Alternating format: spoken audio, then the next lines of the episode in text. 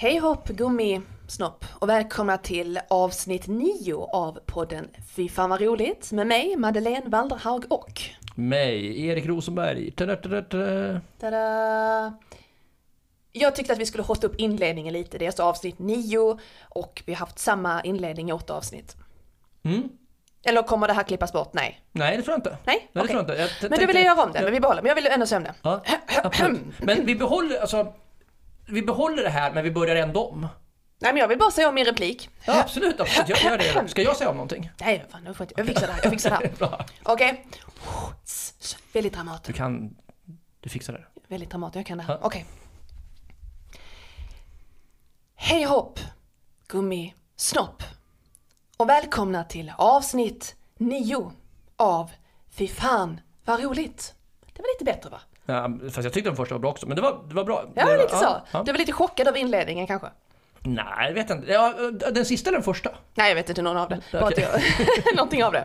Ja. Ja, så varför är det en sån här spexig stämning då? Eh, ja, det är för att det är natt. Det är söndag morgon. Vi har tittat på. Vi har tittat på Eurovision, so- Mello tänkte jag säga, men det är typ Sverige. Vi har kollat på Eurovision Song Contest. Alltså den 65 upplagan. Alltså, Och då tänker folk så här, men det var ju för två veckor sedan. Ja, det var för två veckor sedan, men, men vi kan resa framåt i tiden. Tänker jag. ja Så- precis. Inspirerad av Back to the Future här är vi.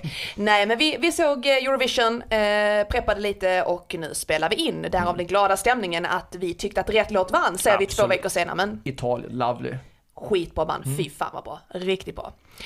Och på tal om eh, fy fan vad bra, fy fan vad roligt. Eh, vad är det här för en podd då? Vad har ni kommit in till för sluddrigt ämne? Jo, eh, det är alltså en nördpodd eh, om humor inom film, serier, tv, scen och radio eh, och lite till kanske. Eh, vi gör nedslag i humorhistorien och eh, analyserar helt enkelt saker som vi tycker är lite roliga, eller väldigt roliga. Eller hur? Absolut, jag har ingenting att tillägga. Jag tyckte du sammanfattade den här podden otroligt bra. Precis, vi kan den här repliken så att säga. Och Erik, vem är du? Vem är jag? Jag är en eh, medelålders eh, västeråsare som har hållit på och poddat i eh, åtta år typ. Mest branschpoddar. Nu så är jag inne och håller på med mainstream-poddar. Tillsammans med dig i den här podden. Och jag kan poddar bra och humor inte så... Jo, men alltså... Kan, väl- jag, tyck, jag, jag vet vad jag tycker är roligt i alla fall, men jag har inte jobbat professionellt med humor. Men det har du. Är det min tur nu? Ja, Alltså, ja, det, det, det, var... det, var en så kallad en segway över till dig. där, så. Jaha, okej, okej. Ja, men vem är jag då? Eh, Jag brukar säga att jag frilansar inom kultur och eh, det är väl sant. Och eh, vad ska man annars säga? Jag frilansar liksom inom, som du sa, humor, gjort stand-up och annat inom komedi i cirka tio år snart. Uh, ja. annars har jag gjort skådespelargrejer, reklamgrejer, modellgrejer, musikergrejer, skrivergrejer. Och det är väl därför man har paraplybegreppet pff, ja, frilansar inom kultur. Det låter lite fancy. Så att vi kan säga att eh, vi, höll på att fyller igen alla hål, men vi fyller igen kunskapsluckor lite att du kan poddande. Det här är min första podd, du har poddat jättelänge. Eh, jag har gjort humor rätt länge och du är ny inom standup. Fast du kan inte säga jag har gjort humor rätt länge och sen säga du har poddat jättelänge. För du har ju, alltså i, princip, alltså i princip, du har gjort humor faktiskt lite längre än vad jag har poddat. Så, så, Okej då, okej då. så om jag har poddat jättelänge så har du gjort humor jättelänge. Jag försökte sälja in dig, Ja, men tack. jag... I tried, I tried. Eh, men men du, du är helt rätt. Och med det sagt då, så här, det här är en humorpodd. Eh, och eh, det är inte en, en recensionspodd. Vi recenserar inte grejer. Vi nördar ner oss, vi gräver, vi analyserar, vi bryter ner det, slår det i bitar och sätter ihop det igen. Och det innebär också att vi går igenom det från början till slut. Och det innebär per se att det blir en hel del spoilers efter vägen. Och vi skäms inte för det. No. Nej, så är det. Men och du Madeleine, vad, vad ska vi snacka om idag då? Ska vi snacka om Melodifestivalen och varför vi sitter här på natten eller har vi liksom ett konkret ämne? Vi har ett ämne, tro det eller ej. Eh, ämnet för avsnitt 9 är Svensson Svensson. Woho! Yeah. Och eh, det är alltså tv-serien Svensson Svensson som gick på, ja, tv säsong 1 och säsong 2 gick 94 och 96. Säsong 3 gick 2007. Säsong 4 gick 2008. Och det här var ju en riktig, riktig publiksuccé. Det mest sedda avsnittet hade 3 395 000 tittare och sändes den 17 november 1996, alltså första avsnittet då. 50 avsnitt, 4 säsonger, två filmer, en 97, en 2011. och en show på Kinateatern som hade premiär 1999. Woo, way back in time. Eh, många saker att hålla reda på, men det är så här. Vi har valt att fokusera på de två första säsongerna av serien. Och vi har ju tittat lite på den tredje också givetvis. Och eh, vi har båda sett varsin av filmerna. Erik har, eh, du har ju sett den från 97, mm. eh, Svensson Svensson-filmen. Och jag Eh, har ju sett den från 2011, Svensson Svensson i Nörd och Lust. Så där kan vi komplettera varandra lite. Får bara skjuta in, någon måste ju ha tänkt noga på liksom namnet. Från så här, vi kan den första för filmen, den andra var så här, det kanske inte höll riktigt, vi kanske ska göra, utveckla namnfrågan lite. I, i Nörd och Lust, ja absolut.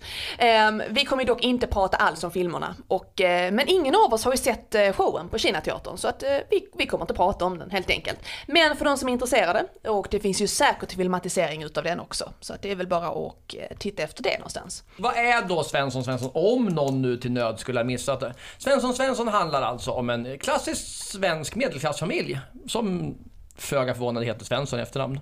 Det är pappa Gustav, brevbärare, socialdemokrat och då kan man säga varför, varför fokuserar vi på hans politiska gärning då? Jo, alltså för att det har rätt mycket betydelse. Han, han, är, han är ju en hardcore sosse. Precis som allt Gustav gör. Eh, är man socialdemokrat då är man det till 100%. Är man sportintresserad så är man det till 100%. Eh, Gustav har ju en stark önskan om att hålla ihop familjen, hålla på traditioner. Han älskar sitt yrke väldigt, väldigt mycket. Eh, mamma Lena, bankchef, framgångsrik. Dottern Lina älskar hästar, killar och eh, sitt engagemang i moderat skolungdom. Och sen har hon lillebrorsan Max då, som är den lillgamla eh, komiska killen då, som alltid har en bra replik till hands och starka punchlines. That's that. Eh, Madeleine, vart liksom... Hur började alltihop egentligen? Precis. Bakgrundshistorien det är ju ett, en återkommande segment i podden så här. Och faktiskt i detta avsnittet så har vi fått hjälp av en av manusförfattarna, Thomas Tivemark. Och givetvis, vi är otroligt tacksamma för detta. Verkligen, tack Thomas för all hjälp. Otroligt, otroligt generöst och snällt av dig. Det är så här att eh, vi kommer alltså i slutet av detta avsnittet eh, berätta om samtalet och konversationen med Thomas Tivemark. Men även så har vi haft kontakt med Gabriel Odenhammar, och fan jag är fan starstruck alltså. På båda? Ja, ärligt talat. Det, alltså, det är liksom helt. stort, stort av dem alltså. Absolut. Mycket starkt. Ja men det var ju otroligt jättesnällt av dem. Och eh, en kvar, vi kommer att eh, återge konversationerna i slutet på podden. Absolut. Yes. Och ja. då kommer vi få svar på bakgrundshistorien och allt annat också. Det lovar jag, det kommer riktigt bra, riktigt bra. Så håll ut. Yes. Eh, vad kännetecknar Svensson Svensson då? Ja, men dels har vi då den här familjen så, som det kretsar kring då. Kärleken, gnabbet mellan familjemedlemmarna. Det finns en alltså, riktig familjekänsla, även om de är osams ofta. Det finns också ett tydligt fok politiskt fokus med eh, lite gnabb om, om vänster och höger diskussioner där. Det finns omvända könsroller. Eh, Gustav är ju då hemmapappan i mycket mer grad medan mamma gör karriär. Vi har kärnfamiljen med radhus, ingen hund dock men två barn. Rappdialog, bra manus, eh, är vi helt överens om. Det är ett svinbra oh, ja. skrivet manus. De har ju alltså väldigt tydligt tittat på Fawlty Towers, Pangebygget som vi har behandlat tidigare i den här podden. Det mm finns ju klara paralleller som också kommer att återkomma till. Eh, du konstaterar ju också väldigt tidigt att det påminner om en av dina favoritkaraktärer i, i också. Eh, Rudolf, eh, pappan i Sunes sommar. Mm. Som av en händelse pappan till Gabriel Odenhammar. Precis. Absolut, men eh, tittar man på Svensson Svensson igen som vi har gjort och sen tittar på Sune så ser man likheter med papporna där. Mm. Tycker, tycker jag i alla fall, och vi tycker det väl. Ja men jag håller helt med. Och sen en väldigt rolig detalj också, det är att det här är ju en, en, alltså en klassisk svensk eh, sitcom och kanske den första svenska sitcomen tillsammans möjligen med eh, en 4 för 3 då. Om man inte räknar Albert och Herbert och Men om, om vi tar det typ med amerikansk förlaga. Och det blir ju väldigt roligt för den är möblerad precis som till exempel Fresh Prince i Bel-Air eller Cosby Show. Soffan i mitten, köket till vänster, trappan till höger. Som de är liksom. Det är jätteroligt. Det här vore ju inte för fan vad roligt om vi inte pratar om humor. Eh, vad är humorn i serien Svensson Svensson då? Den beskrivs ju egentligen som en eh, situationskomedi, alltså typisk sitcom sådär. Och det var ju precis som du sa tidigare Erik, det här att det är också lite farsliknande att det är samma miljö där folk kommer och går in genom dörrar och det är det klart in genom dörrarna, in genom fönster. in genom dörrar och det är ju samma sak i amerikanska tv-serier som du nyss nämnde. Och sen har vi grannen Sara då som spelas av Charlotte Strandberg. Hennes roll är lite naiv eh, och till gränsen till lite, ja det är dumt, alltså dum är hon ju inte lite korkad, utan hon är lite, ja, speciell. Och hon vill ju alltid väl och de vill väl liksom i manuset, men det blir en del missförstånd på grund av det här och roliga situationer. Det hade ju inte blivit utan Saras karaktär, eller Sara-karaktären. Sen en annan sak jag tänkte på att, jag vet inte om du håller med där, att Sara har ju en del killar som kommer och går liksom. Och det påminner lite om Rakel Molins roll i eh, kvarteret Skatan som vi också pratat om Jenny. Håller du inte med där? Att det är liksom en Jo, ny kille? det, Ja. det, finns definitivt, det finns definitivt en, en likhet där. Sen är ju Jenny mer en, en Alltså hon framställs ju mer smart. Mm. Alltså, du har, Sa- Sara har ju den här, där gör man ju en rolig grej av att hon kommer in fel i situationer oftast. Så. Och det blir liksom lite absurt, så det är lite absurd humor också. Eh, och vi kan ta ex- exempel på det också senare. Men eh, det, det, det liksom hade ju inte varit likadant om Sara hade varit som eh, Jenny då Rakel Molins roll i Skatan. Utan det, det liksom läggs på att det blir en del missförståndshumor så kallat. Sen har vi varit inne på det här att det är ett väldigt starkt och skarpt manus, det är vassa repliker, snabbtänkt, snabba växlingar, satir åt alla håll politiskt, eh, det är socialdemokrater, folkpartister, moderater och så vidare och så vidare. Joke in a joke kommer vi till senare också, ska ni säga också, eh, förekommande i Svensson Svensson. Sen har de ju även studiopublik och en eh, det är ju intressant för att det är väldigt revyinspirerat. Det är liksom sketch, applåd nästa, sketch, applåd nästa och så vidare. Det tycker jag är väldigt charmigt faktiskt. Jag tycker det är otroligt fint. Sen har vi då musiken och ja, alltså äh, musik i Svensson Svensson det är ju ledmotiven vi får prata om i så fall. Eh, själva ledmotivet eh, till säsong 1 och 2 är gjord av Ragnar Grippe som även gjort ledmotivet till Jönssonligan. Och i säsong tre så gjordes musiken av Johan Landqvist som bland annat har varit kapellmästare i Så ska det låta mellan 97 till 2017.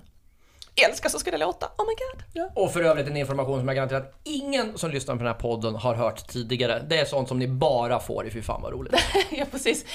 Unique selling point right there liksom. Nej men faktiskt, vi var inform- eh, alltså det visste jag inte om. Alltså innan, det var, vi lär oss en hel del i podden och det här med musiken hade vi ingen aning om. Jag tycker ledmotivet är mysigt. Och det var någonting som tänkte att det här är lite, det här känns bekant. Ja. Liksom. ja. Och dessutom så är det ju alltså Det visar ju att alltså, svensk showbiz och underhållning av olika alltså, eh, har ju, alltså det, det är ju så, alltså, så liten ankdamm eller ska jag kalla det för, det finns kopplingar mellan allting egentligen.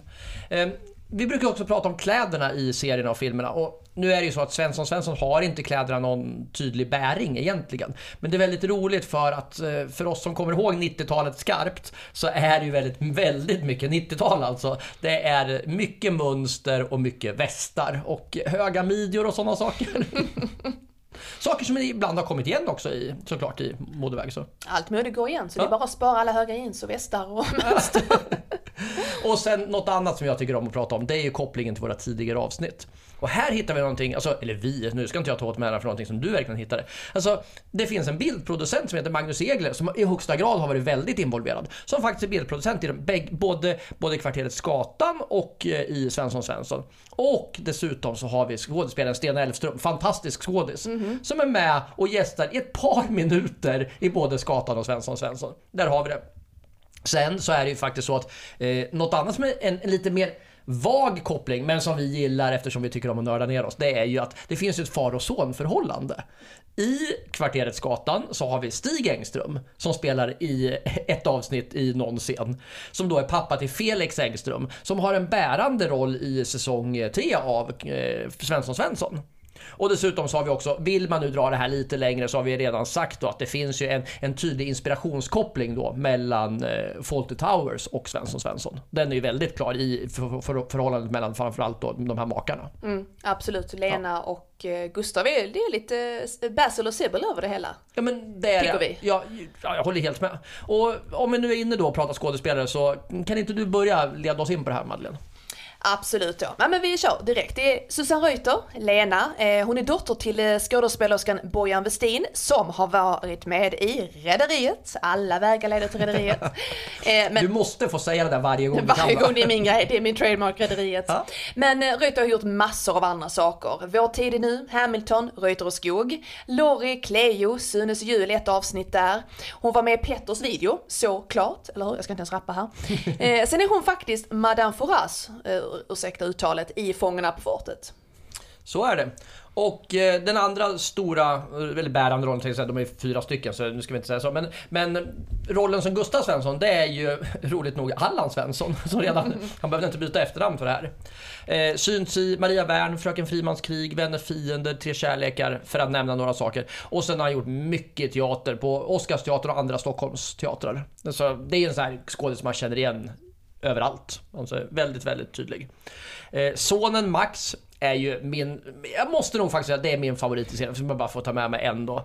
Eh, och det är ju Gabriel Odenhammar, som även gör, så han har gjort två ikoniska roller. Det ena är ju då Max eh, Svensson och det andra är Håkan Bråkan i, i Sune som han gör det då. Eh, har även gjort en del teater. Gabriel Odenhammar har ju mer eller mindre lämnat acting och har ett, ett vanligt jobb om vi ska säga lite elakt. För, förlåt, förlåt Madeleine som, du, som är du, som du säger frilansande kulturarbetare. Men, men ett icke alltså, skådespelarjobb. Mm. Han jobbar i den, den mundana branschen. Alltså, han är utbildad brandman och flygledare och jobbar på Norrköpings flygplats. Så vill man titta på eh, Gabriel Odenhammar får man åka till Norrköping och titta där på flygplatsen. Ja. Nej det ska vi inte, vi ska inte uppmuntra till stalking men om man vill titta på honom har vi tips och bara kikar också. Men det ska vi också säga så här, vill man se Gabriel Odenhammar skådespela som vuxen så går det alldeles utmärkt att titta på säsong 3 av Svensson Svensson också. Ja absolut, absolut. Ja. Eh, sen har vi Chelsea Bell Dixon som spelar Lina. Hon, är ju, hon lämnade ju faktiskt skådespelarkarriären eh, helt efter det här och eh, hon är nu civilingenjör. Och hon ersattes av eh, Claudia Concha Galli i säsong 3 och av Maria Simonsson från serien Pappas flicka då i showen på Kinateatern. Eh, går vi då vidare till Claudia Galli, hon har gjort massor av saker då. Skilda världar, Playa del Sol, hon har kastat en del reklamfilmer. Hon har faktiskt kastat mig till en reklamfilm. Jag kommer fast inte ihåg vilket företag, för mig det var Ikea eller någonting. Men faktiskt roligt. Um, otroligt, otroligt trevlig person. Det hör ju inte till podden, men väldigt ödmjuk och trevlig. Fast jag tycker att det hör till podden. Ja men så, hon är jättetrevlig Claudias också. Uh, och hon är uh, muster till Josefin Bornebusch. På tal om en liten värld. Ja, exakt. Ja, och sen har jag redan nämnt då Felix Engström, son till klassiska skådespelaren Stig Engström och eh, Anneli Martini. Han spelar då Linas pojkvän i tredje säsongen. Han har även gjort Bonusfamiljen och mycket teater och musikaler. En sån här typisk skådespelare som man inte riktigt kommer på namnet på men man känner igen väldigt tydligt. Karaktäristiskt utseende. Sen har vi då Charlotte Strandberg som spelar Sara och Sara är ju, om du hade eh, Gabriel Odenhammars roll som favorit av Max, så har jag faktiskt Sara som favorit. Eh, Charlotte Strandberg är i släktskap med Sven Wollter och Lina Wollter. Och eh, nu ska vi se här, nu ska vi se om vi hänger rätt på det här. Nu ska vi lite trivia om Charlotte Strandbergs släkt. Hennes farfar var operasångaren Olle Strandberg vars äldre släktingar var musiker och operasångare, bland annat Max Strandberg och Olof Strandberg. Men okej, okay, förutom att pitcha hennes träd, familjeträd sådär. Hon har gjort massor av andra saker. Jordskott till exempel, eh, hon spelade Fröken Ek i Bert.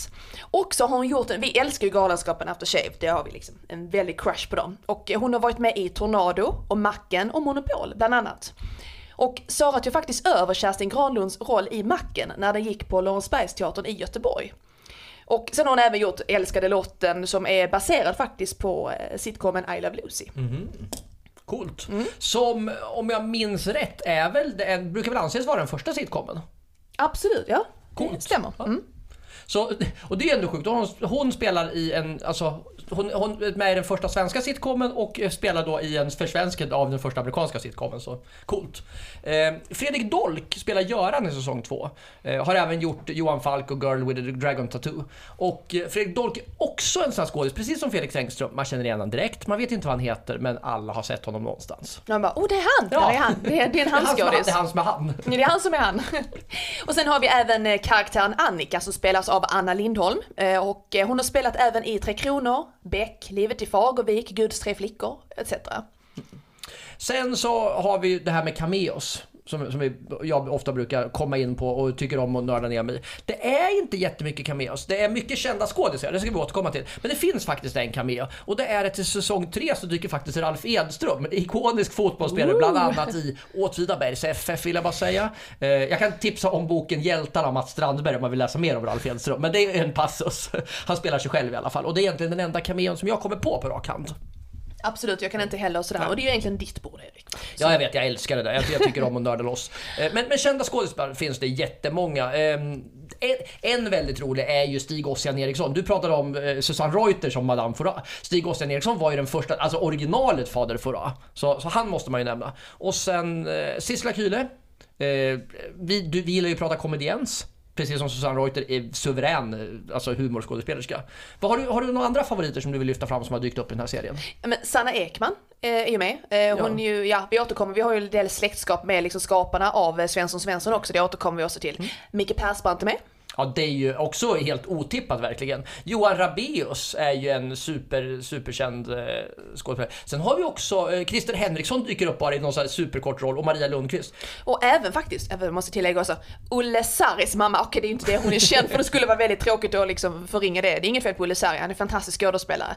Men hon heter Inga Sarri och eh, hon spelar skolkurator i eh, en av eh, avsnitten. Men Olle Sarris mamma, det är- intressant. Mm, det är coolt. Ja. Det tycker jag faktiskt är riktigt häftigt.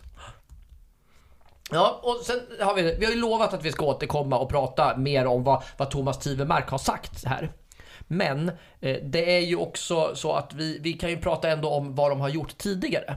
Och kan inte du berätta om Thomas? Absolut, ja, men vi kör igång. Vi börjar, vi börjar med Thomas starkt ut vår, vår kompis Thomas. Nej. Men eh, Thomas Tivemark, eh, han har ju skrivit eh, bland annat Cleo, Pappas flicka, Bert, Lorry. Han har ju även agerat lite i eh, Anna Holt, Rederiet, där har vi det, där har vi det. Eh, Bert, Den sista oskulden och han har gjort röst i Pelle Svanslös och Bamse och han har även skrivit böcker. Vi återkommer med närmare information till det. Och sen har vi då eh, hans eh, kollega Johan Kindblom eh, som har gjort bland annat manus till, till Cleo och eh, Guds tre flickor. Men som faktiskt också är musiker i popbandet Raymond och Maria som egentligen mest är känd för hitten Ingen vill veta vart du har köpt din tröja. Och sen har vi Mikael Hjort som, eh, han har även skrivit kriminalromaner tillsammans med Hans Rosenfeldt. Eh, skrivit manus till Det Okända och eh, egentligen samma produktioner som Killarna ovan. Och varför är det så? Jo, det är det. Eh, de här tre vännerna, de var tillsammans ett bolag som hette Tre vänner. Surprise! Innovativt. Nu verkligen, det var mysigt namn ja. eh, Innan de köptes upp av SF och då 2016, om jag inte har fel, så bildade de SF Studios. Och eh, Tre Vänner-bolaget har även filmatiserat Jens Lapidus eh, Snabba Cash och eh, skapat Cleo, bland annat då. Som eh, återigen då är ju Cleo är ju Susanne Reuter som är liksom som spelar titelrollen där. Sen Madeleine, när man väl ska filma Svensson Svensson så plockar man in en riktigt etablerad regissör i form av Mikael Ekman. Mikael Ekman är ju inte bara väldigt kompetent i sig själv, för det är han. Eh, han är ju också otroligt eh, tunga anlag i, i släktskapet när vi pratar om släktskapet. Du pratade om Sanna Ekman tidigare. Hans eh, pappa är Hasse Ekman och eh, Agneta Wrang...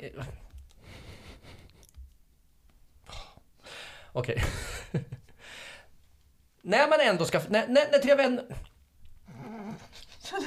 Klockan är två. Det här kommer bli Patreon-material, inklusive nu säger jag att jag inte ska snora i micken. Det kommer bli Patreon alltihopa. Inklusive det jag säger nu. Nu blir det meta, för det jag säger nu, alltså det jag säger ska bli Patreon blir Patreon. Ja, det kommer också bli Patreon. ja. Okej. När nu tre vänner bestämmer sig för att filma Svensson Svensson så plockar man in en riktigt etablerad regissör i form av Mikael Ekman. Mikael Ekman, Mikael Ekman är inte bra, bara väldigt, väldigt rutinerad. Han är ju också i princip född in i showbiz. Därför att han är son till Hasse Ekman och Agne- Agneta Wrangel. Och dessutom bror till Gösta Ekman. Eh, som vi, vi pratade om Jönssonligan. Här har ännu en koppling. Gösta Ekman, alltså Ja. Sickan. Eh, och har gjort såklart mycket annat, Papphammar och så vidare. Gjort väldigt mycket seriösa roller också. Nu, inte då noga sagt här att det är inte oseriöst att vara komiker, men, men allvarliga roller om vi säger så då.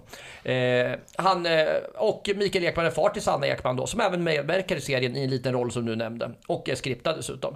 Eh, Mikael Ekman har regisserat Trumvirvel, Rederiet! Jajamän, Yay! och Jönssonligan som sagt var. Han har regisserat sin bror. Mhm. Han har regisserat Roland Hassel som jag älskade när jag var lite yngre då med Lars-Erik Berenet bland annat. Så. Ja, eh, jag tänker att vi kan väl återkomma lite till, till det där med humor. Eh, Joke and a joke. Vi älskar det här konceptet och jag kan bara påminna lite, vad är joke and a joke? Det är ju när man tar ett Rätta mig om jag har fel du som är komedian här. Man tar ett skämt och slänger in skämtet, men så lägger man in, planterar man saker i bakgrunden som inte behöver synas förrän vid, vid en andra genomläsning. Alltså, man planterar in humor i en humorscen egentligen. Och här blir det väldigt tydligt, framförallt tycker jag i Max-scenerna, alltså Gabriel Odenhammars scener, där man till exempel kan ha vassa replikskiften. Sen sitter Max kanske och läser något helt orimligt. Han typ läser eh, alltså Nietzsches eh, Also, Alltså sprach Zarathustra eller något så alltså saker som inte en tioåring läser. Eh, och böcker överlag är ju väldigt, väldigt eh, alltså centralt i Svensson Svensson. Det är bokhyllor och den, ja, hintas om böcker heller. Ja men egentligen det är att i varje scen så verkar det som att boken skickar någon form av symboliskt värde. Till exempel så, alltså det är ju, det är ju ingen, det går inte alltså undan någon att liksom Allan Svensson, alltså Gustav Svensson älskar Björn Borg bland annat. Han är ju, har ju typ en fetisch för alla sportskillar egentligen men han läser Björn Borgs självbiografi. Jag kommer inte ihåg, alltså ja. Och, eh, men så även Lina, eller ja, Chelsea Dixon, hon läser faktiskt böckerna Sweet Valley High som jag läste också på 90-talet. Så jag tycker det är mysigt att man kan bara, åh det här är den boken och den boken och den boken. Så att böcker av någon anledning verkar skicka något eh, sublima så blir man meddelande i serien. Tror du, och nu tänker jag freestyla loss lite här. Tror du att det har att göra med, alltså alla de här som har skapat serien har ju, eller flera av dem har ju anknytning, alltså de är ju författare själva. Mm -hmm. Att det finns väldigt centralt för dem så är litteratur väldigt bärande och då vill man ha det i serien. Ja, jag vet vad du är på väg nu, jag håller helt med detta. Det, det finns ju någonting blandat, det finns en liten love story så att säga mellan alla skaparna av serien och författarna i sig och skaparna av böckerna. Precis. Så ja men det är coolt, jag tycker det är, det är intressant. Mm. Tycker det är otroligt fascinerande. Och vet någon lyssnar någonting om det här eller om någon annan med insyn skulle veta detta så får ni gärna återkomma till detta. Eh, sen har vi, jag tänkte på en annan sak, eller vi har funderat på en sak och det är att eh, när man analyserar humor och går igenom humor så tänker man att vem i serien eller i filmen blir utsatt för skämtet? Och liksom, vem är det, på vems bekostnad kommer skämtet på egentligen? Eh, I Svensson Svensson så är det ju oftast Gustav egentligen. Han är väl en så kallad easy target, jag vet inte. Men eh, Gustav är ju lite som ett förvuxet barn egentligen. Alltså han vill ju bli fotbollsproffs och han är 40 plus. Så okej, okay, ingenting är omöjligt, man vet ju inte. Och han gillar ju serier, till exempel han älskar Scooby-Doo. Och eh, han bondar ju väldigt bra i säsong 3 med eh, eh då Eh, dottern där som är med till exempel. Han bondar ju bra med barn och allt som är lite barnsligt så att säga. Men det är ju så att alla skämtar ju med och på Gustavs bekostnad. Lena hackar ju en del på honom i vanligt eh, man-fru äktenskap. Max till exempel, han är ju på sin far hela tiden med sina rappa kommentarer. Lina, det är som vanligt, som äldre syster, yngre bror, det är där relationen liksom. Men Gustav blir liksom, han det är i alla fall det vi har fått uppfattning om, eller hur? Att det verkar som Gustav är liksom skämtet i det hela. Ja men så är det. Den enda som man kan tänka som är någon sorts föremål för humor är väl egentligen Sara som du pratade om, Charlotte Strandberg, som får en del också, men inte i närheten av så mycket som Gustav får. Nej men det är sant, okej du, du har helt rätt också. Alltså, Sara är också en eh, easy target på hennes sätt på hur karaktären är uppbyggd. Men jag tycker det är en intressant frågeställning i allting vi analyserar vem, på vems bekostade skämtet och vem skämtar med vem och hur är ration till exempel? Um, om man tittar på karaktärerna, vem blir skämtad om och vad och hur? Till exempel Lena skämtar man ju inte om. För att hennes karaktär är ju inte humoristisk i sig utan hon, hon bidrar till humorn genom sina rappa kommentarer och sina syrliga kommentarer framförallt. Det är lite det här frågeställningen, eh, skrattar man åt någon eller skrattar man med någon? Mm. Exakt. Mm. Eh, vi pratade ju en del om att det är väldigt mycket politikskämt också. Och Alltså, till exempel då med att Lina är med i Moderata, Moderata ungdomsförbundet, och, eller Moderat skolungdom.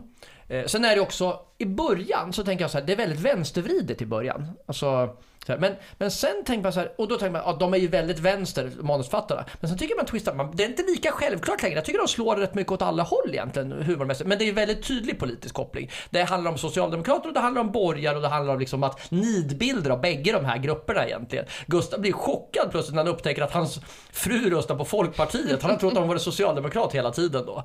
Eh, och, eh, men i karaktärsbeskrivningarna så, så om man liksom läser på lite så är det ju väldigt uttalat att Gustav ska vara vara eh, socialdemokrat och Lena ska vara borgerlig och ibland alltså väldigt nästan åt, åt det liksom högerborgerliga hållet, moderata hållet då. Så.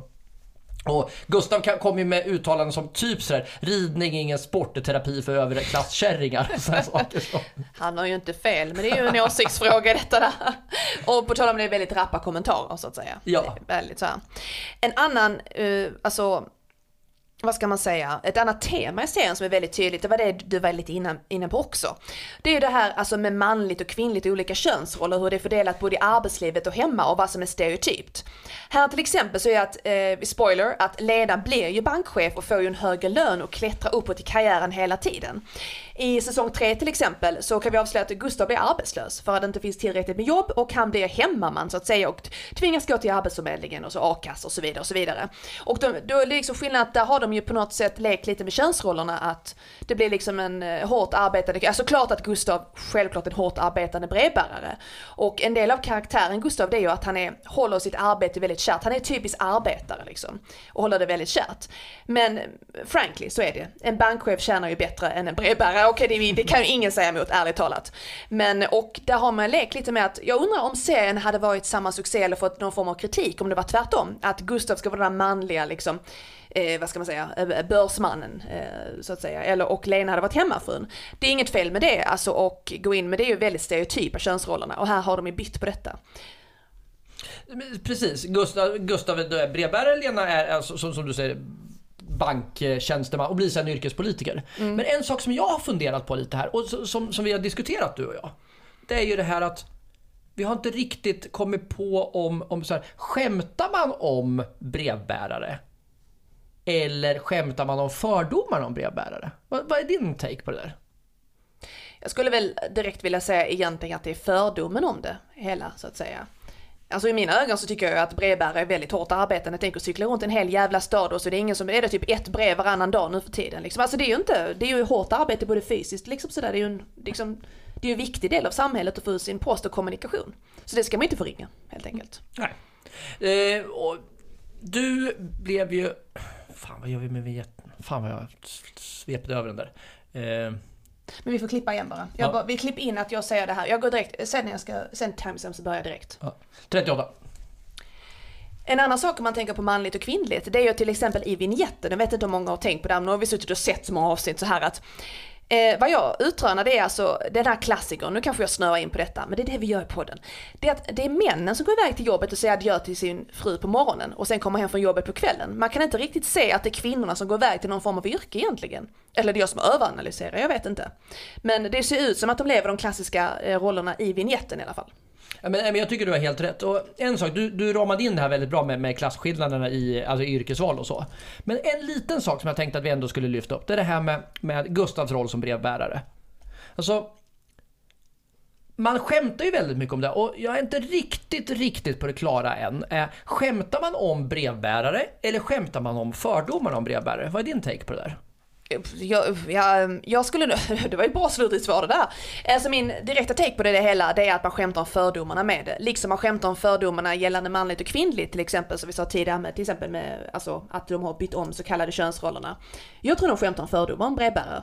Alltså brevbärare är ju väldigt, väldigt hårt arbetande. Och självklart så tror jag så här att de, nu är det, nu är det min fördom som kommer att, jag tror de allra flesta siktar på att bli en, eh, vad ska man säga, en bankchef hellre än att bli brevbärare beroende på vad man har för ambitioner i livet. Jag tycker inte det är absolut något fel att vara brevbärare. Det är en viktig del av samhället, vad väldigt PK det här blev men det är en väldigt viktig del av samhället. Vad skulle vi vara utan brev? Vi skulle ha e-post egentligen men brevbärare behövs och alltid behövs. Vi behöver kommunikationen. Mm. Så det behövs också. Vad är din take på det? Nej men jag tror att du har helt rätt. Men ibland så tror jag också, jag tror att det är det som är tanken. Sen är jag inte hundra på att de når hela vägen fram alla gånger. Ibland så kan det nog, apropå det här som vi nämnde för en stund sedan, skratta åt folk och skratta med folk. Ibland tror jag att de tänker att man ska skratta med, men det blir skratta åt. Och så är det ju alltid, jag menar det går ju inte att vara felfri någon gång. Alltså vi, står ju, alltså vi tycker att det, är en, att det är ett otroligt välgjort manus. Eh, vi var inne och pratade just det här med, med eh, 90-talet. I kläderna. Och det finns ju mycket annat som är så himla mycket 90-tal. Du pratade om Sweet Valley High-böckerna. Mm -hmm. eh, alltså Carl Bildt var statsminister. Eh, Stefan Edberg, alltså apropå tennis, Björn Borg eh, var ju i och för sig lite tidigare, men just att, att Björn Borg hade ju färsk, var i färskt minne. Idag är Björn Borg mer kalsonger än vad han är en gammal tennisstjärna. Han har blivit reducerad till en kalsong, är det det? Ja men lite så. Lasermannen, mm. med mera, med mera. Det finns väldigt, väldigt alltså, mycket. Alltså Lasermannen är inte med som person i serien. Nej, det är kanske viktigt. men det hänvisas till det. Det, det, det, finns väldigt mycket sådana, alltså olika olika typer av hänvisningar som väldigt, är väldigt mycket 90-tal. Mm, och det, det, är så roligt att se om det igen, för man tänker, ah just det, Carl Bildt, eller Carl Bildt, jag kallar ju alltid liksom aktuell på olika sätt, men åh, då är det och det är där, tycker det är jättemysigt att se, tycker det är häftigt. En annan viktig sak som vi absolut älskar att prata med på det är sex, och det är ingen sexpodd, vi ska inte vara så snuskiga denna gången. Men eh, när det gäller det här att om man tittar på karaktären Gustav så är det lite som en Basil Fawlty att eh, sex är okej okay och så, men det är ju han vill ju inte kännas vid det. Alltså Gustav vill ju inte prata om det. Det är lite moralpanik över själva, till exempel så här. När Gustav ska ta det här sexsnacket med eh, Lina så skickar han istället in grannen Fredrik Dolt, eh, Dolk att prata sex med Lina. Alltså det blir lite, och han jämför liksom sex med byggbranschen då eftersom Fredrik Dolk-karaktären är eh, by- byggarbetare. Alltså det är lite konstigt att skicka in sin manliga granne och vän och prata sex med sin dotter. Alltså det är ju helt absurt och väldigt, väldigt roligt. Och skulle antagligen med all rätt aldrig hända i verkligheten. Men det är jättekomiskt tycker jag. Ja, och jag vet inte om du håller med mig, men det jag tänkte på nu när vi såg om Svensson Svensson, det är att det är rätt mycket grövre än vad man minns det, humormässigt. Ju- men alltså, jag har ju inte alls tänkt på den saken för man börjar verkligen analysera och titta efter det. Vi tittar efter sex i det men, men man tittar och vrider och vänder på det men vänta, det är liksom, till exempel jag vet om att i något avsnitt i säsong ett att det är en väldigt dikt som är rätt snuskig egentligen. Jag tror till och med de säger ordet kuk. Ja, och flera gånger va? Många gånger. Kuk, Ja. kuk, kuk, kuk, kuk, kuk. Flera gånger. Vi kommer att återkomma till lite andra exempel på det där när det liksom Kuk, blir... nej, nej okej. men på, på, på snuskiga delar också. Så. Eh, sen har de ju också blandat med väldigt allvarliga ämnen som är väldigt viktiga att behandla och såklart de avväpnar med humor. Ålderdom till exempel är ju en sån sak att till exempel i säsong 3 så pratas ju en hel del om till exempel att hur de att oj vad åldrats, oj vad åldrats och så vidare. Och det är ju en del av livet att man får lite panik, ärligt talat, när man börjar tycka att shit har det gått 15 år sedan där och 20 år sedan där och så vidare och så vidare.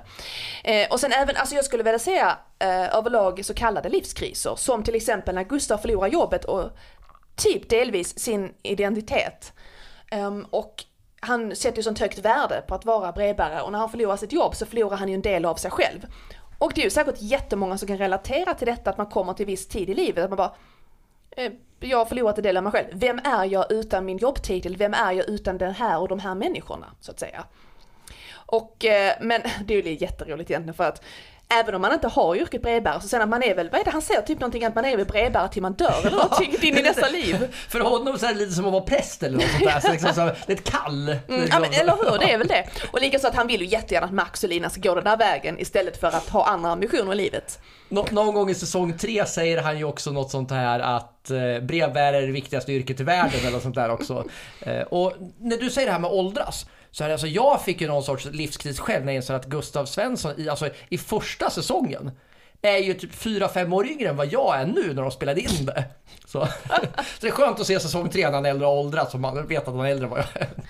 Perfekt, Allt, allting är tillbaka till det vanliga så att säga.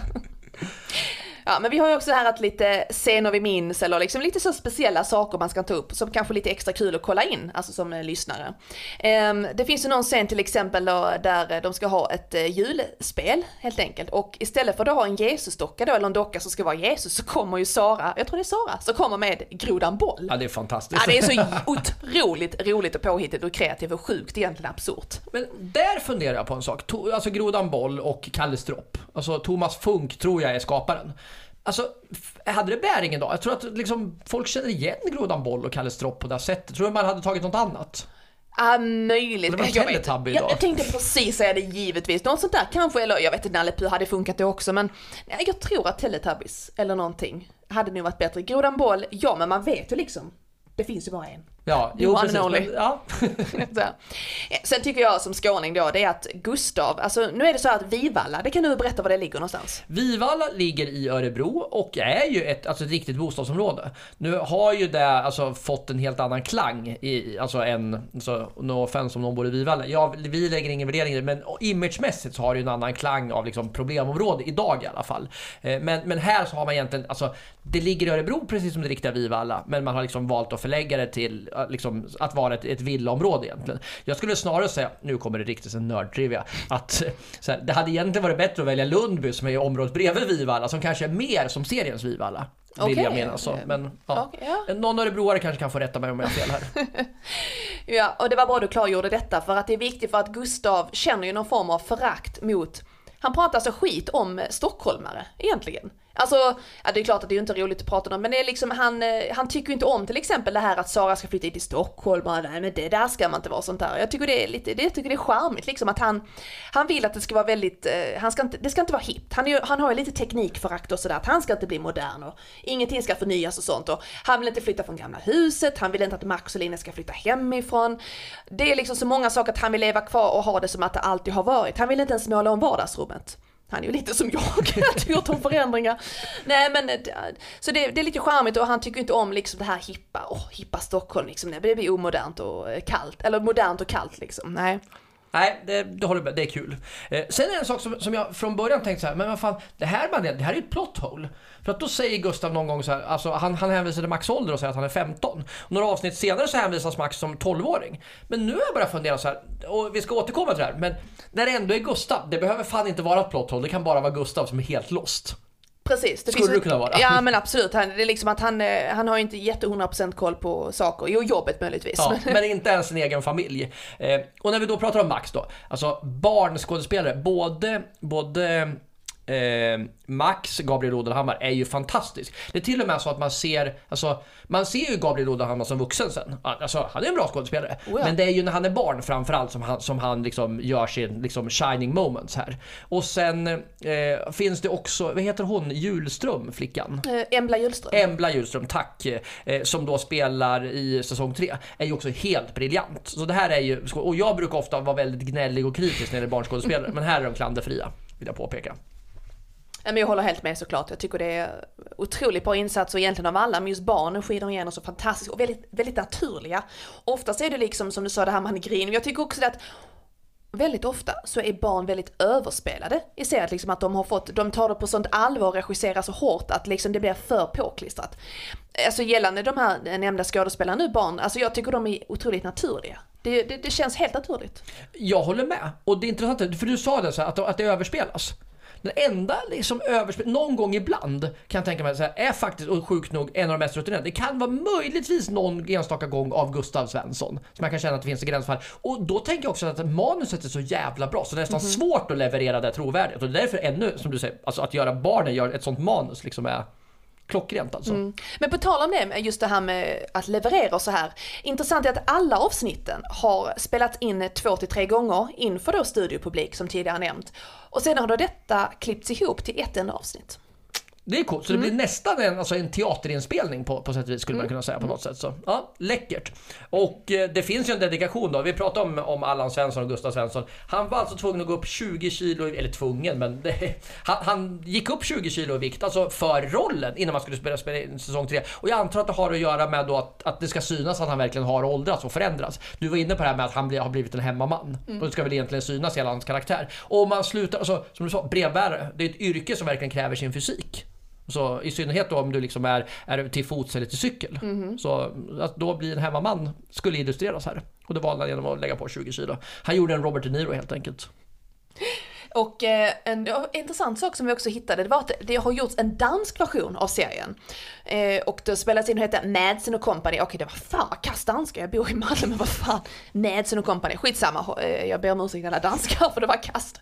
Eh, det spelas in i tre säsonger, 96, 98 och 2000. Och eh, de första 22 avsnitten var ju direkt översatta och bearbetade manus från just Svensson Svensson.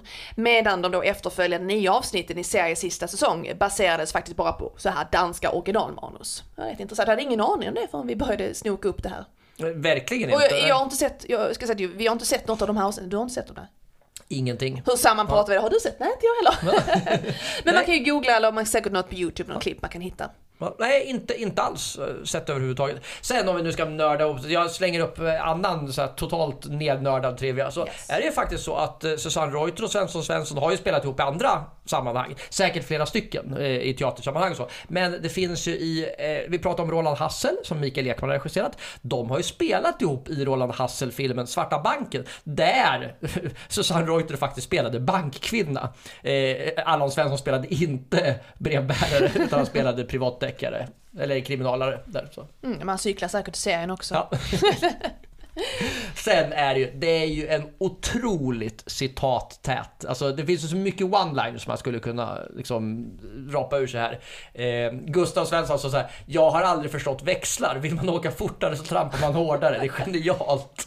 Sen har vi även Lena som säger till Max när han kommer in i kostym. Du ser ut som en framgångsrik dvärg, säger hon. Jag tycker det är jätteroligt. Kanske inte så politiskt korrekt, men jag tycker det är kul att säga. Nej, men hysteriskt roligt. Mm -hmm. Vi var inne på det här med grov humor, så i något avsnitt som det ska berättas en historia, för, en saga för barnen.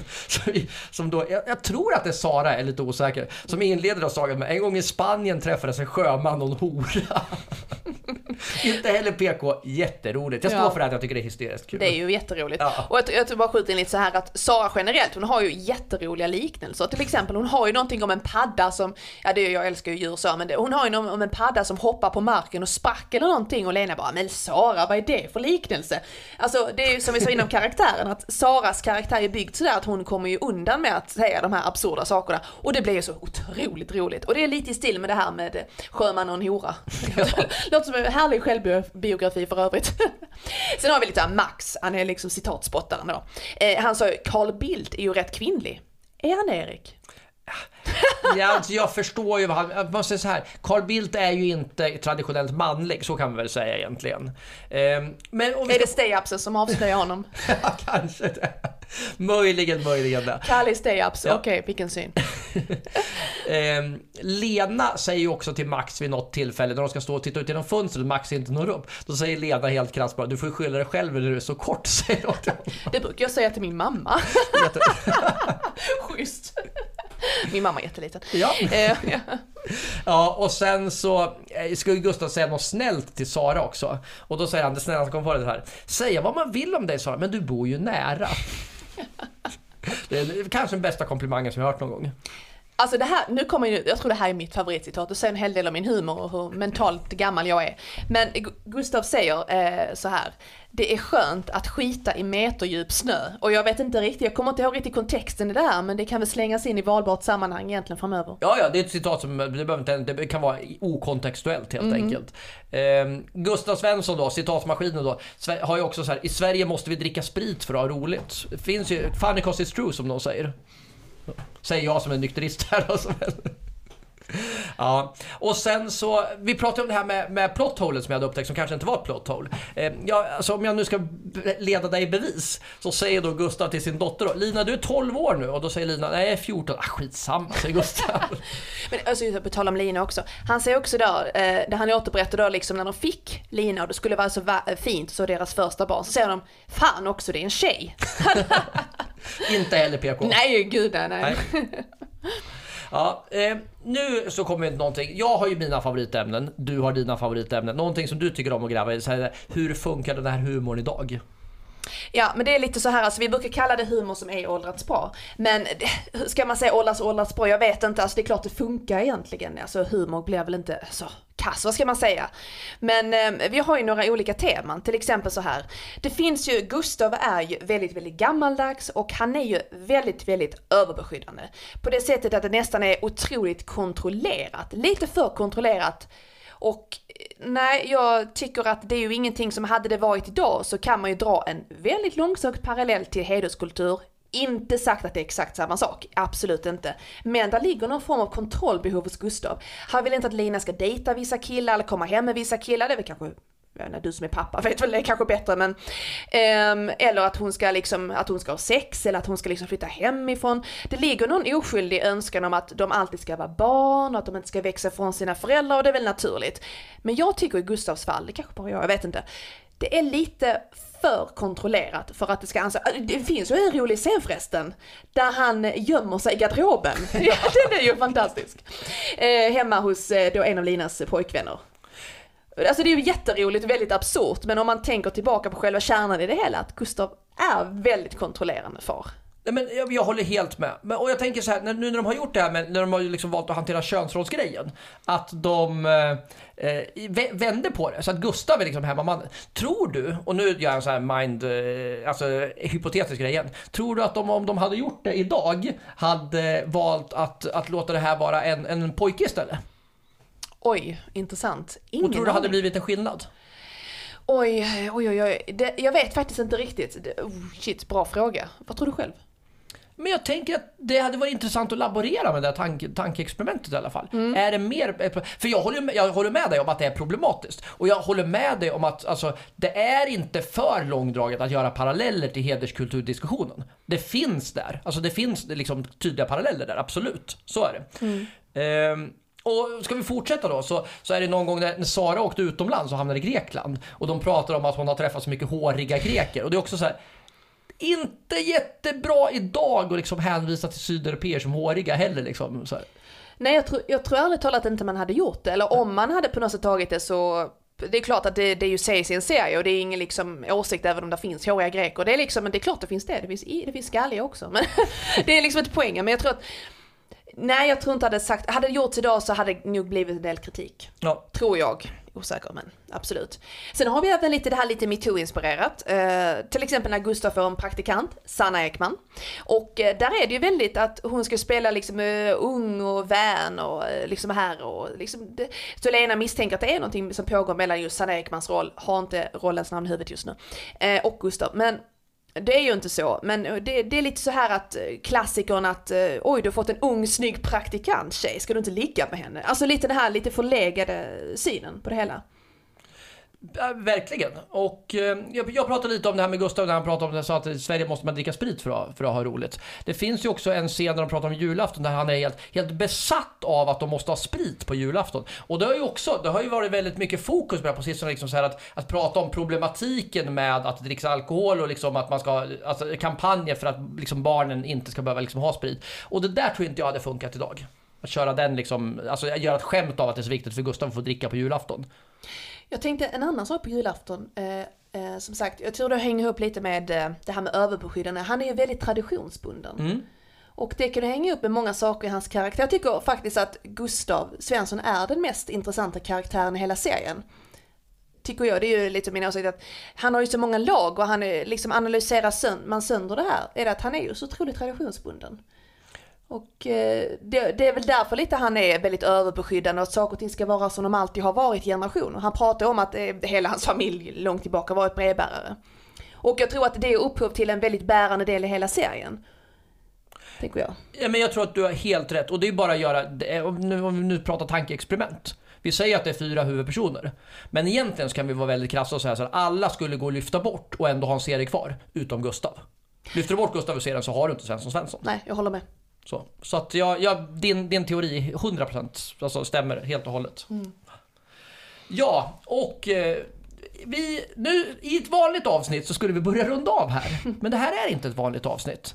För vi, vi säger så här, du, jag ska inte ta åt mig för mycket cred här. Du har etablerat kontakt med Thomas Tivemark och Gabriel Odenhammar och vi har lovat att eh, redovisa alltså, utfallet, det låter så, så formellt. Vi, jag ska Fors, forskningsresultatet. Ja, nej, jag ska, jag ska prata vanlig svenska. Vi ska berätta vad de sa till oss egentligen. Punkt. Ja men precis, vi utlovade i början av programmet ja. att eh, det kommer återgivning typ av konversationerna mm. med Thomas Tivemark och Gabriel Odenhammar då.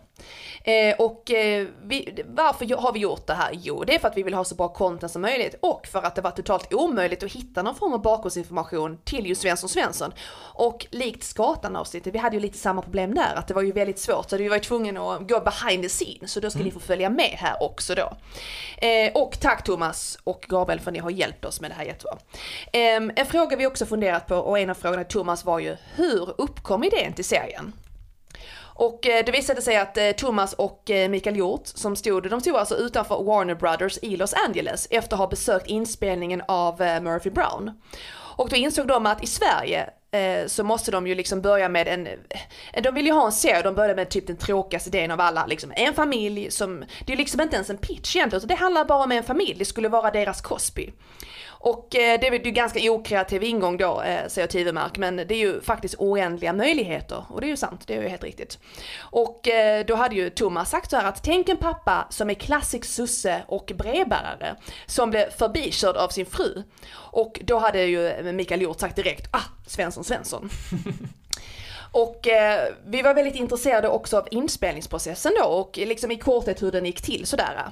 Och de eh, gjorde ett avsnitt i veckan. Eh, de hade två föreställningar efter varandra varje måndag. Och eh, de hade en hel del omskrivning efter att ha insett vad som inte funkade då efter det första. Ja, och en annan intressant fråga är liksom hur då manusarbetet gick till. Och som vi alla har förstått då, eh, det var ju väldigt, väldigt hårt jobb.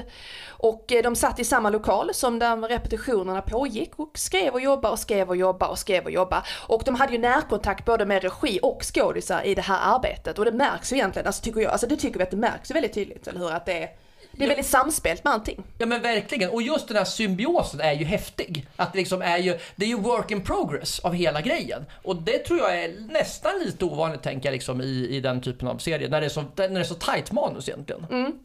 Men det, det märks tydligt liksom att, det, jag var inte förvånad över svaret liksom, att jag tyckte det märks tydligt. Och så givetvis att det var väldigt, väldigt långa dagar och hårt arbete. Och det är det ju egentligen generellt egentligen för allt som är producerat. Det är ju hårdare arbete och längre dagar än kanske vad folk tror. Så det är viktigt att poängtera hur hårt arbete som ligger bakom det här. Jag tänkte säga, alltså bara för att skjuta in här. Du som är skådespelare själv, får, liksom, är väl, alltså, kan väl vittna just om det här med hur, hur, hur mycket arbetstid det ligger per, per inspelningstimme egentligen. Alltså, eller per, egentligen per output-timme. Alltså, Mm. Ja, det är otroligt långa dagar. Väldigt roligt men otroligt hårt arbete och långa dagar. Det är väldigt slitsamt, ska jag säga. Slitsammare kanske än vad folk tror, men också otroligt roligt och givande. Så det är väl win-win egentligen. Och eh, det var lite det som Thomas kunde bekräfta då, att det var ju väldigt, väldigt, väldigt långa dagar i det här. Och eh, vi var också nyfikna på om det hade funnits tankar på att göra en ny säsong till exempel nu, eller eh, under senare tid, eller kanske ännu en Svensson Svensson-film. Där säger Thomas nej. Eh, det var ju inte jättelänge sedan de gjorde nya säsonger, så de, eh, det är ju liksom typ tio år efter det första då. Eh, Frågan var också om de själv har tittat på serien och filmerna i efterhand, om Thomas hade gjort det. Det hade han inte gjort. Och eh, jag vet att det är lite samma sak. Vi, vi, vi brukar ju inte höra på vår podd efter, jag brukar inte höra på vår podd i efterhand. Nej, jag tror inte att jag har lyssnat på ett poddavsnitt i, i sin helhet sen Eh, alltså alltså på, på två år som jag har spelat in. Och jag vet ju att du sitter ju inte och tittar på de grejerna du har spelat in och gjort heller. Alltså, du har visat upp saker för mig sen vi har lärt känna varandra som du inte har tittat på sen de gjordes egentligen vet jag. Sådär, liksom. Så att man, man gör egentligen inte det. Jag tror. Nej, det är så, alltså jag vet inte vad det är. Alltså man kan ju alltid titta och recensera och se vad man kan göra bättre. Men eh, jag tycker att jag har ju liksom någon inspelning för Lund Comedy Festival 2014. Jag har fortfarande inte sett det. Fortfarande inte. Det är ju kul att ha den, men jag får ju vänta om några 50 år kanske. Ja, precis. Man får sitta och kolla på med barnbarnen. Ja. Typ. Och till slut så frågar vi då Thomas vad han själv har, vad gillar han själv för humor och har han liksom några favoriter och sådär. Eh, Monty Python, eh, Anarkin, eh, Vansinnet, men även eh, Ricky Gervais, The Office, också väldigt klassiskt. Och väldigt Chevy Chase, eh, liksom till exempel, och The Anchorman-filmerna. Eh, liksom trams där man liksom känner att de medverkande, ja, är supersmarta. Och det är ju alltså, om man, om man refererar till Will Ferrell som supersmart i vår bok, då är man ju hemma hos oss. Absolut, Så absolut. Mhm. Såklart. Ja. Och eh, sen så var det Gabriel Odenhammar, Max, gjorde också en, en underbar insats med att, att hjälpa oss att svara på frågorna. Och han var ju inte så gammal när de här spelades in i början då, så, så man frågade, alltså, eller, vi frågade honom hur det var att spela in det här. Och han berättade om att alltså, det var ju, alltså de spelade in liksom, varje säsong tog lite mer än tre månader att, att göra. Och eh, han bekräftar också det här med, med publiken, inför publik, eh, två avsnitt varje måndag och sen repetitioner och sen så började de hela tiden. Resten av veckan gick till, till rep egentligen. Och han vittnar ju om väldigt mycket härlig stämning och skratt i inspelningar och det, jag tror att det där smittar av sig i att det blev så bra också. Och de första rundorna så berättade han ju också liksom att där var han mycket mer med och petade i manuset och gjorde ändringar. Och, eh, och han, han säger också att de som var vuxna där, de lyssnade på honom och liksom var, var inkluderande. Jag tycker att det är fint. Att, att man liksom verkligen lät honom vara med och, och påverka. Mm, och det blir bra resultat också. Ja, och eh, han sa ju egentligen liksom så här att eh, själv så att det behövdes inte alltså twistas hans karaktär så mycket. Han var liksom en lillgammal karaktär med liksom med, med väldigt dräpande repliker. Och eh, Gabriel säger så här att han har fått berättat för sig i efterhand att han var väldigt mycket så som barn själv. Och det är, det, det är något befriande att tänka liksom att, att Gabriel man vill ju att han ska, ha- att han ska vara som Max Svensson eller, eller liksom sådär också. Och det är så roligt då så att, eh, så att han är, ja men sådär. Och, och han säger precis det som vi har tagit upp i det här avsnittet. Så säger ju också eh, Gabriel Odelhammar till oss då att, att sidokaraktären till Gustav bör vara så normala som möjligt för att, för att skämten om Gustav och med Gustav och av Gustav ska studsa bättre. Så, så blir det så egentligen. Eh, men så säger han också så här, vad fan, han var 11, 12, 13 år när han spelade in det. Man tänker inte karaktär så mycket, man går in och bara kör. Sådär, så ja, så är det. Eh, och en annan sak som vi pratar om det är så här, hur, hur är det egentligen liksom att kombinera skolgång när man, när man är ett barn med att skådespela? När det är, precis som du sa, långa dagar och väldigt hårt arbete. Han säger så här, men det, det gick okej säger han. Alltså han missade tid i skolan men hade ju en guvernant på plats. Han skrev prov i studion och logen och alltså han hade en del sådär gruppövningar och samarbetsövningar. Men det fick ju han ut av att han faktiskt var med i en ensemble istället. Så han, det var inte så att han liksom blev ett ensam barn sådär i, liksom, i sin sociala miljö. Utan han fick det av det andra. Sen en fråga som, som vi var väldigt nyfikna på. Så här, mm. Känner man igen honom fortfarande? Får han liksom kommentarer? Och Alltså det finns en yngre generation då, alltså de här sena 90-talisterna och 00-talisterna som faktiskt inte har växt upp med, med Svensson Svensson. Känner de igen honom? Och det gör han ju. Och han säger också så här, det är ju läskigt men roligt att se alltså vilken jäkla genomslagskraft Svensson Svensson har haft på, på, liksom, på Sverige. Mm -hmm. Och sen så fick ju han samma fråga som, som Thomas Tivemark. Har han tittat på det efterhand och det säger han inte. Han har sett julavsnittet eh, sådär någon gång och sen något enstaka klipp egentligen. Eh, och eh, Gabriel Odenhammars svar på frågan om humor. Även där, Ricky Gervais, alltså både i form av stand-up och sen filmproduktioner egentligen. Men han säger också att all sorts humor som förenar människor uppskattar han. Och det är, det är förlösande med skratt. Och jag tycker att det är alltså, ett underbart svar. Så är det ju verkligen. Mm, alltså, verkligen. Få saker brinner man ju så mycket för som att få skratta ihop med någon man tycker om. Eh, så, men så här också, det beror ju såklart på formatet också. Eh, ja, och sen så, så ställer du en fråga till, till eh, Gabriel. Alltså, har han något projekt på gång som, som kan nämnas i podden? Och eh, han säger att det har han egentligen. Han jobbar ju med ett vanligt jobb som sa, han är flygledare. Men han har inte stängt dörren för, för en fortsatt karriär. Han är öppen för liksom att, att, att det blir mer skådespelare. Jag tycker det, det är roligt. Mm. Nej, men jag tyckte det var intressant att slänga in den frågan för jag hade liksom kände på att även om eh, Chelsea Bell Dixon kanske har stängt en dörr så kände jag att ah, det är väl han är ju säkert sugen på det också. Absolut. Eh, ja, och mm. Eh, vi är såklart väldigt tacksamma för att både Thomas och Gabriel har tagit sig tid på att svara på våra frågor. Verkligen, verkligen tack till er båda. Jätteglada för det här. Instämmer helt, alltså det var, det var suveränt. Och verkligen med en sån, sån ursäkta uttrycket, jävla bra attityd också. Mm. Alltså, man blir ju, jag får ju en ännu större liksom så här, vad heter det, crush, starstruck crush på dem mm. efteråt. Liksom, att de verkligen visar sig vara genuint trevliga och tillmötesgående och verkligen villiga att hjälpa till. Mm. Och med det sagt, om man vill hänga, inte med dem utan med oss mer. vart, vart, fortsätter man följa dig och mig då Madeleine? Ja, då ska vi passa på att slänga in lite, vi är på väg att avrunda här och då brukar vi slänga in lite sociala medier. Vi finns på Insta, eh, på Fy fan vad roligt. Eh, vi har Twitter, där vi finns under våra privata namn. Vi har Facebook, vi har en sida som heter Fy fan vad roligt som man kan gilla. Och så har vi en diskussionsgrupp som heter Fy fan vad roligt diskussionsrummet. Och där är det bara att skicka en ansökan så bekräftar vi att ni får vara med. Jätteroligt om ni var med där så kan vi prata om avsnitten och lite annat annat. Mm. Och vi har ju även livestreams. Eh, vad blir det? En gång i månaden är det vad som är på sin höjd? Det har vi och där måste vi. Den senaste vi gjorde, gjorde vi ju för ett par veckor sedan. Där vi efter att vi hade släppt Den där Mary. Mm. Och alltså tack som 17 ni som var med där då. Ja, jätteroligt, jätteroligt. Vi pratade i 3 timmar och 40 minuter. jätteroligt. Folk kommer och gick, och gick. Jätteroligt. Så tack alla ni som var medverkande där. Mm. Eh, vi är ju fortfarande kvar på Clubhouse. Eh, man ska säga, despite alla politiska diskussioner som finns där, så finns ju vi där. Fy fan vad roligt att diskutera avsnitten och humor generellt och ibland bara häng och vi har lite mysigt. Det behövs mm. fortfarande i de här tiderna. Och vi kommer ju givetvis, det är så här att vi har ju invites. Så har man en iPhone och vill vara med och prata med oss, så skicka det DM så får ni invite av någon av oss. Sen har vi även något som heter patte, nej det har vi inte, vi har något som heter Patreon, det får du prata om pattarna här.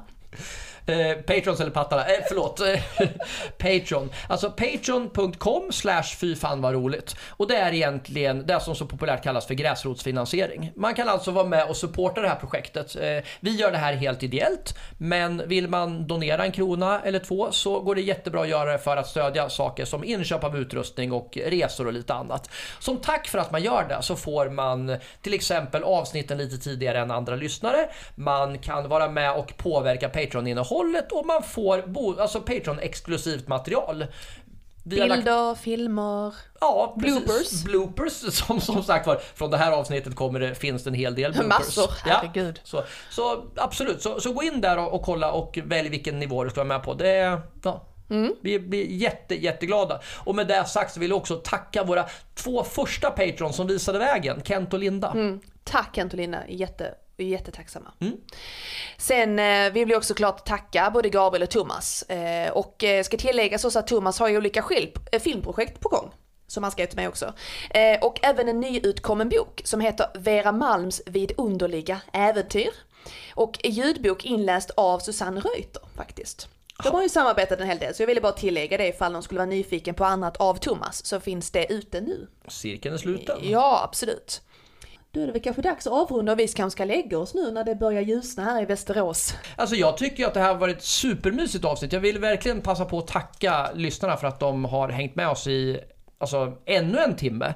Och eh, vill alltid också säga att vi är alltid öppna för att ta emot önskemål och tips på vad de tycker att vi ska göra avsnitt om. Mhm. Så det är bara att DMa och som sagt, eh, vi finns ju på sociala medier så det är bara att hojta till där. Vi blir jätteglada för all kontakt som är trevlig. Alltså, men all kontakt. Och även säga att man ska faktiskt prenumerera och lyssna på avsnitten. Det uppskattar vi. Det är klart ni lyssnar annars har ni inte hört denna hit. Men att man ska prenumerera och interagera helt enkelt eh, på olika ja, sp- spelningsfunktioner. Var är det man kan ge oss fem poäng? För det finns, man kan bara ge oss fem poäng. Exakt. Fem stjärnor va? Exakt, det Eller- finns inga andra betyg att sätta. Det kan man göra på Spotify, eller man kan göra det på iTunes vill jag minnas och Ja. man kan nog även, inte på Spotify förresten, men på iTunes och på Podcaster och på lite annat. På, och eh, möjligtvis även på Acast. På, på, på podcast-apparna helt enkelt Mm. kan man recensera oss. Så gör det. Ge oss en bra recension och ett fint betyg så blir vi jätteglada. Jag är jätteglada. Vi kommer att tacka er nästa poddavsnitt i så fall. Så är det. Mm. Tack för att ni har lyssnat. Tack för att ni har hängt med oss denna natt. Eller vad när ni har lyssnat. Puss puss! Puss puss.